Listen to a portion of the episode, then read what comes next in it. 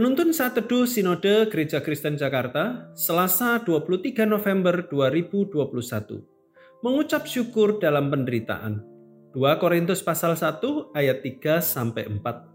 Terpujilah Allah Bapa Tuhan kita Yesus Kristus, Bapa yang penuh belas kasihan dan Allah sumber segala penghiburan, yang menghibur kami dalam segala penderitaan kami, sehingga kami sanggup menghibur mereka yang berada dalam bermacam-macam penderitaan dengan penghiburan yang kami terima sendiri dari Allah. Mengucap syukur dan memuji Tuhan dalam keadaan nyaman dan berkelimpahan adalah hal yang biasa. Seperti halnya ketika seseorang memuliakan Tuhan karena dipromosikan di tempat kerja, lulus ujian atau sembuh dari sakit penyakit. Namun mengucap syukur kepada Tuhan dalam keadaan menderita sungguh merupakan hal yang istimewa. Mungkin saja kita bertanya, bagaimana mungkin hal itu terjadi? Bila kita mengandalkan kekuatan dan logika manusia, pasti tidak akan mampu.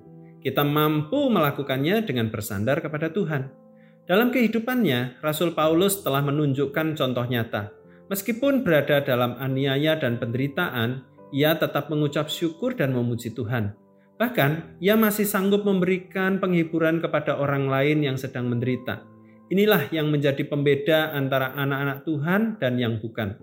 Keduanya bisa saja menghadapi persoalan yang sama, tapi responnya yang berbeda.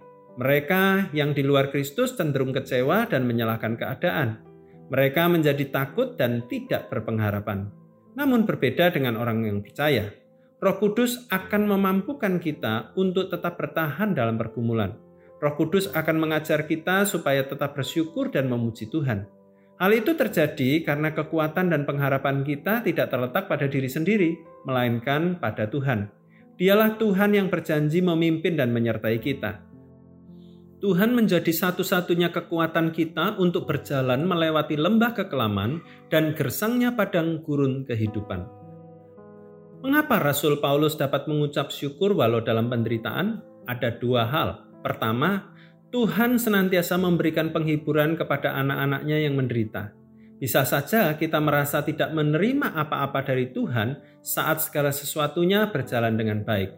Namun dalam situasi yang sangat sulit, pertolongan dan penghiburan Tuhan itu nyata bagi kita.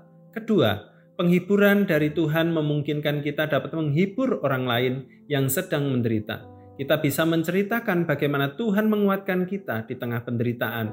Cerita itu akan menjadi kesaksian bagi orang lain yang mendengarnya. Tetaplah bersyukur, sebab dalam penderitaan kuasa Tuhan akan nyata atas kita. Tuhan Yesus memberkati.